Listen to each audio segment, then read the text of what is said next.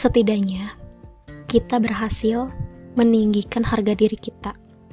Bukan soal finansial, melainkan melainkan soal skill yang kita punya. Hai, back to my podcast entitled Curhat Bareng Nda. Bener gak sih in the title? Oke, okay, fokus-fokus sama topik kali ini dari spoiler tadi pasti udah nih udah ngira-ngira nih aduh apalagi sih ndak? Gitu soal apa lagi? Gitu. Pasti di antara kamu ada yang ngerasa kayak insecure gak sih? Punya temen yang serba cantik serba pakai pakaian mewah kita kayak seolah harus jungkir balik supaya bisa menyamakan lifestyle-nya mereka nah untuk ngomongin kabar, gimana kabarnya? Semoga di kamu di sana baik-baik saja ya walaupun terkadang kita harus memaksakan diri ya supaya terlihat everything is gonna be okay. Kalau misalnya soal nanyain dengan topik yang sama dengan apa yang berkaitan dengan topik kali ini, episode kali ini, aku pengen nanya deh, kamu pernah gak sih kayak ngerasa atau gak pernah gak di posisi di mana ngerasa insecure karena kamu sadar gitu ya finansial kamu kan kurang ya. Tapi kamu tuh punya loh yang menakjubkan dibandingkan mereka yang cuman bisa iming-iming pakai duit orang tua. Aduh aduh sebangga apa mereka dengan gayanya bisa fashionable tapi ujung-ujungnya belum ngerasa puas belum ngerasa pol karena semua itu pakai duit orang tua. Tapi ya beda-beda sih orang ya ini hidup-hidup gue kenapa lu komentar? Ya it's okay. Itu kan mereka pilihan mereka ini pilihan kamu ini pilihan kita ini pilihan kami. Nah back to the topic. Jadi sebenarnya aku pengen cerita yang di mana waktu itu aku sadar sih uh, belum ketemu sama diri aku yang bisa nulis novel. Belum ketemu sama diri aku yang it's like passionnya tuh lebih kayak ke orang nilai aku public speakingnya bagus tapi aku masih belajar sih gitu. Udah gitu orang tuh selalu semakin ke sini gitu ya kayak uh, kayak gimana ya kayak is ngebantu banget makasih ya udah ngasih solusi makasih ya udah ngasih pandangan lebih luas soal masalah yang aku hadapi gitu kan. Makin banyak orang yang bilang terima kasih dengan tambahan kata-kata seperti itu. Aku ngerasa kayak oh berarti aku tahu lah ya potensi aku berarti ngebantu orang dari orang yang suka curhat sama aku. Makanya lahirlah podcast yang aku namain curhat bareng Nda. Di mana aku tuh tadinya tuh nama ini bukan curhat bareng sama Nda gitu kayaknya. Namanya teh apa gitu aku lupa.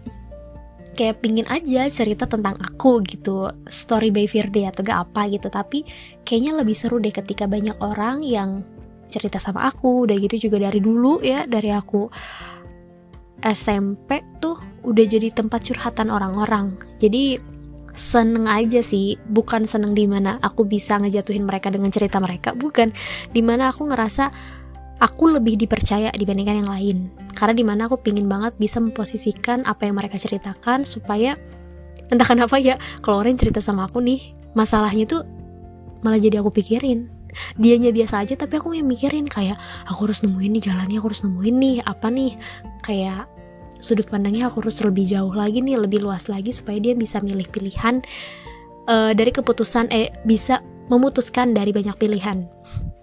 Nah jadi kemarin tuh kasusnya anjay kasus di mana aku ngerasa kayak ih beda ya gitu kan.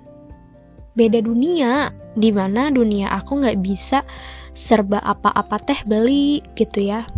Serba apa-apa teh kayak uh, secara it's like style itu harus cakep lah supaya mereka kayak ngerasa kagum supaya mereka tuh kayak ngerasa keracunan sama apa yang aku rekomendasiin. Tapi kenyataannya tuh enggak kayak mungkin ya aku bukan tipe anak yang ngeracuin dari hal barang. Dari hal yang it's like finansial. Misalnya kayak eh kalau hotel ini deh kayak gini-gini. Eh pakai baju ini deh kayak gini-gini. Eh beli baju ini deh ini ini nih enggak tapi aku justru lebih kayak ngerekomendasiin yang buat orang keracunan tuh ya sesuai dengan passion aku gitu. Kayak contoh ya ada yang berhasil keracunan sama novelnya Ilanatan ada yang berhasil keracunan sama buku-buku kayak yang pernah aku buat loh podcast yang tentang whatever tentang seni buku eh seni bersikap bodo amat. Sampai mereka tuh kayak aduh aku harus nabung nih kak supaya bisa beli buku itu. Karena emang bener banyak banget perubahan yang ada diri diri aku yang ketika aku kenal Oriflame pun jauh lebih matang gitu. Jadi ya nggak kaget. Kan tahu sendiri kan bisnis mentalnya tuh harus kuat loh bukan main. Hasilnya itu jauh tapi prosesnya yang banyak. Tuh. Nah ya udah deh di situ pada kasus hari itu aku ngerasa kayak ya kenapa aku harus menyesali suatu apa yang gak bisa sam menyamarat kayak gak bisa masuk ke dunia mereka? Justru sebenarnya aku bukan sedang dijatuhkan harga diri aku. Mungkin kebanyakan orang tuh kita pasti mandangnya finansial lu kayak materi atau gaji lu tuh berapa sih gitu. Lu punya penghasilan berapa sih? Lu dikasih duit berapa sih? Style lu kayak gimana sih? HP lu kayak gimana sih? Dari make up lu yang kayak gimana sih? Dari tata rambut lu atau gak dari kendaraan yang lu punya tuh sebagus apa, sekeren apa, sekece apa supaya orang pada nengok gitu. Tapi bukan di mana kita ngerasa menciptakan diri kita kalau so kayak seolah kita nih sedang menjatuhkan diri kita sendiri karena finansial kita yang jauh lebih rendah dibandingkan mereka. Gak usah diiming-iming kayak ya iyalah mereka mah bisa hidup enak, lifestyle lifestyle-nya lifestyle-nya bagus ya karena duit orang tua. Bukan bukan. Kita sama ratakan soal di mana kayak apa ya tingkatan statusnya tuh kita di sederhana atau gak kaya gitu. Katakanlah kasus yang kemarin aku dapeti ya mereka kaya ya. Kayak serba apa aja tuh bisa gitu. Bisa minta walaupun emang banyak tantangan gitu kan. Gak, gak semuanya kode gitu. Pasti kan ada yang bilang kayak gitu kan. Wait.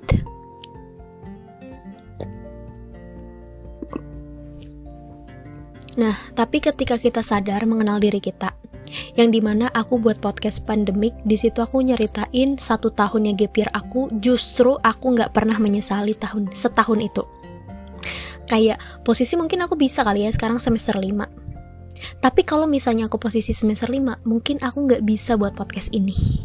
Mungkin aku nggak bisa jadi bisnis Oriflame nggak bisa kenal Oriflame nggak bisa menjadi diri aku yang berhasil keluar dari zona nyaman yang se sejauh itu dan di situ aku sadar kenapa harus menyesali satu tahun gap year gak kuliah langsung.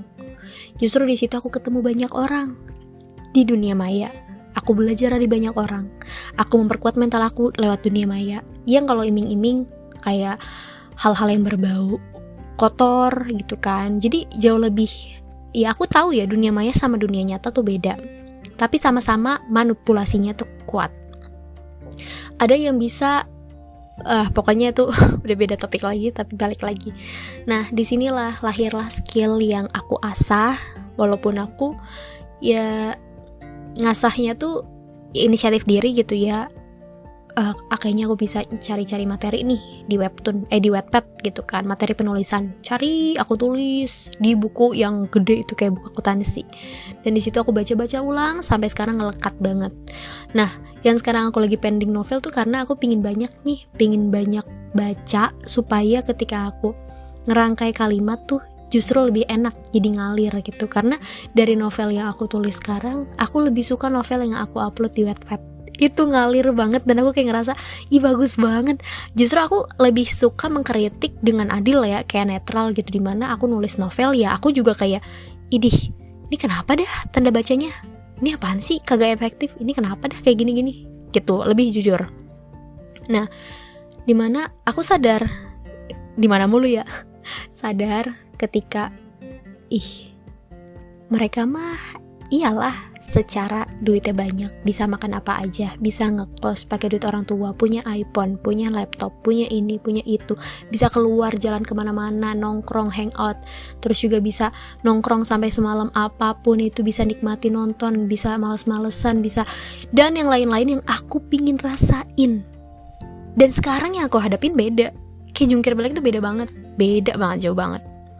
Ketika di mana aku pernah di posisi mereka cuman nggak di nggak nggak selalu kayak nongkrong di mana di mana gitu ternyata pas aku sadari aku pernah di mana aku males-malesan watching terus nonton film terus terus juga ya pokoknya arti kata males-malesan menikmati hidup yang Allah berikan, yang Tuhan berikan itu pas waktu di SMA. Cuman bedanya nggak semewah mereka, yang di mana mereka bisa beli apa aja dari duit yang mereka yang orang tua kasih. Tapi emang nggak nggak apa aja, mereka juga pasti selalu mikir kok kayak ini lebih enakan beli produk ini, lebih barang ini tuh pakai duit sendiri deh gitu. Mereka ada ada ada timing di mana mereka sadar diri.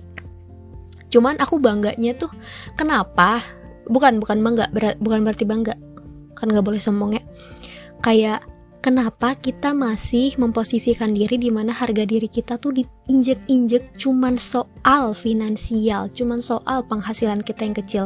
Justru seharusnya kita yang jauh lebih keren dibandingkan mereka yang gajinya gede, yang it's it's like instan mungkin atau gak. Ya pokoknya nggak usah lah. Nggak usah ngebanggain mereka dengan finansial yang gede dibandingkan kamu punya skill yang di mana mereka belum tentu punya skill yang kayak kamu.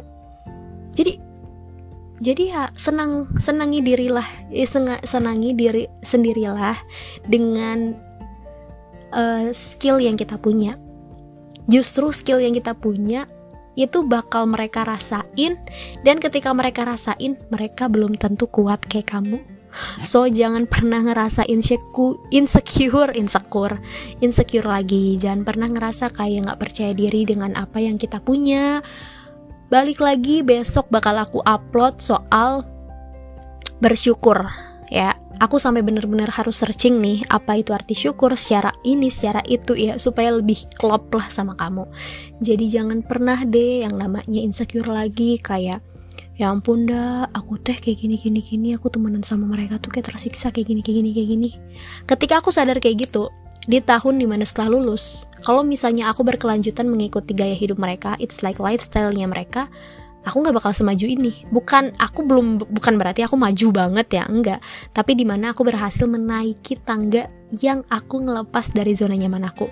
Yang di mana kamu tahu sendiri kan di podcast yang pernah aku ceritain sebenarnya hidup aku tuh aman-aman aja sih kalau nulis aja. Aku bisa loh mendalami soal dunia kepenulisan, terus juga, tapi aku sadar Allah pingin nunjukin keajaiban yang luar biasa. Supaya kamu gak usah mikirin nih Fir soal finansialnya kayak gimana Jadi usahanya tuh disekarangin aja. Kalau nulis kan bisa nanti. Aku paham ya banyak ketakutan yang ada di diri aku. Kayak soal ide. Ide cerita yang udah aku buat sebanyak mungkin. Alhamdulillah kayak ide tuh nggak perlu khawatir gitu ya stuck ide itu karena selalu banyak ide yang ada di dalam pikiran aku dan khawatir banget ide itu tersampaikan udah terpublikasi di novel lain di film lain di cerita orang yang lain. Jujur banyak banget ketakutan yang di mana aku sekarang kayak ngepending dulu novel ngepending nulis novel sambil belajar dulu yang banyak dari novel-novel yang aku sendiri pun kalau baca tuh pasti ini pasti ini gitu. Tapi kan ya di mana kita jangan jangan jadi gelas yang penuh tapi jadilah gelas yang kosong. Di mana ketika kita ngerasa diri kita jadi gelas yang kosong itu justru ilmu yang bakal kita dapetin jauh lebih enak dibandingkan kita kayak sosokan gitu loh kayak ayolah ayolah gue juga tahu kok akhir endingnya kayak gini endingnya bakal kayak gini. Jangan kayak gitu. Justru Firda yang dulu tuh kayak gitu loh kayak gue ngapain baca novel? Gue mendingan baca matkul aja modul aja.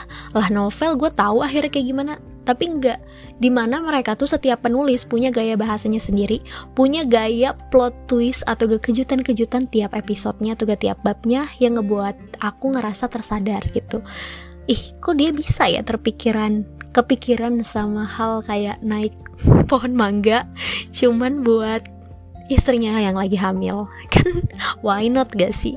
Dan di situlah ketakutan aku mungkin mulai mereda karena aku sadar semua orang tuh punya porsi dan udah ditetapin rezekinya masing-masing. Aku selalu ingat kata-kata yang di mana uh, teman aku ya, ada kelas aku yang kita ketemu dari messenger pas waktu aku SMA. Di situ kita benar-benar kayak aku ngerasa bingung mau cerita sama siapa dan di mana tempat Maya itu adalah tempat yang enak untuk bercerita. Kita nggak kenal, kita nggak tahu rumahnya di mana, kita nggak tahu pastinya diri kita siapa, tapi kita bisa bercerita dengan puas, bercerita dengan puas gitu kan.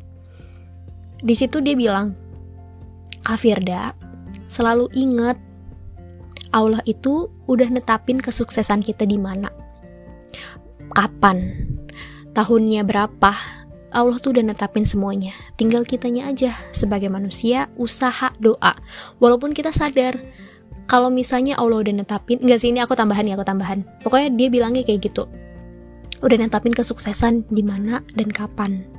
Di situ ya rezekinya kesuksesan Kak Firda mungkin emang belum sekarang. Tapi pasti Kak Firda bakal ngedapetin nih pelajaran banyak di perjalanan untuk mendapatkan kesuksesan itu. Gitu di situ aku langsung kayak iya ya kayak aku sadar itu bisa. Tapi entah kenapa nggak pernah ngeh sama kalimat itu dan tambahan dari aku untuk pesan di podcast ini jangan pernah ngerasa kalau misalnya kita tuh lagi direndahin harga diri kita.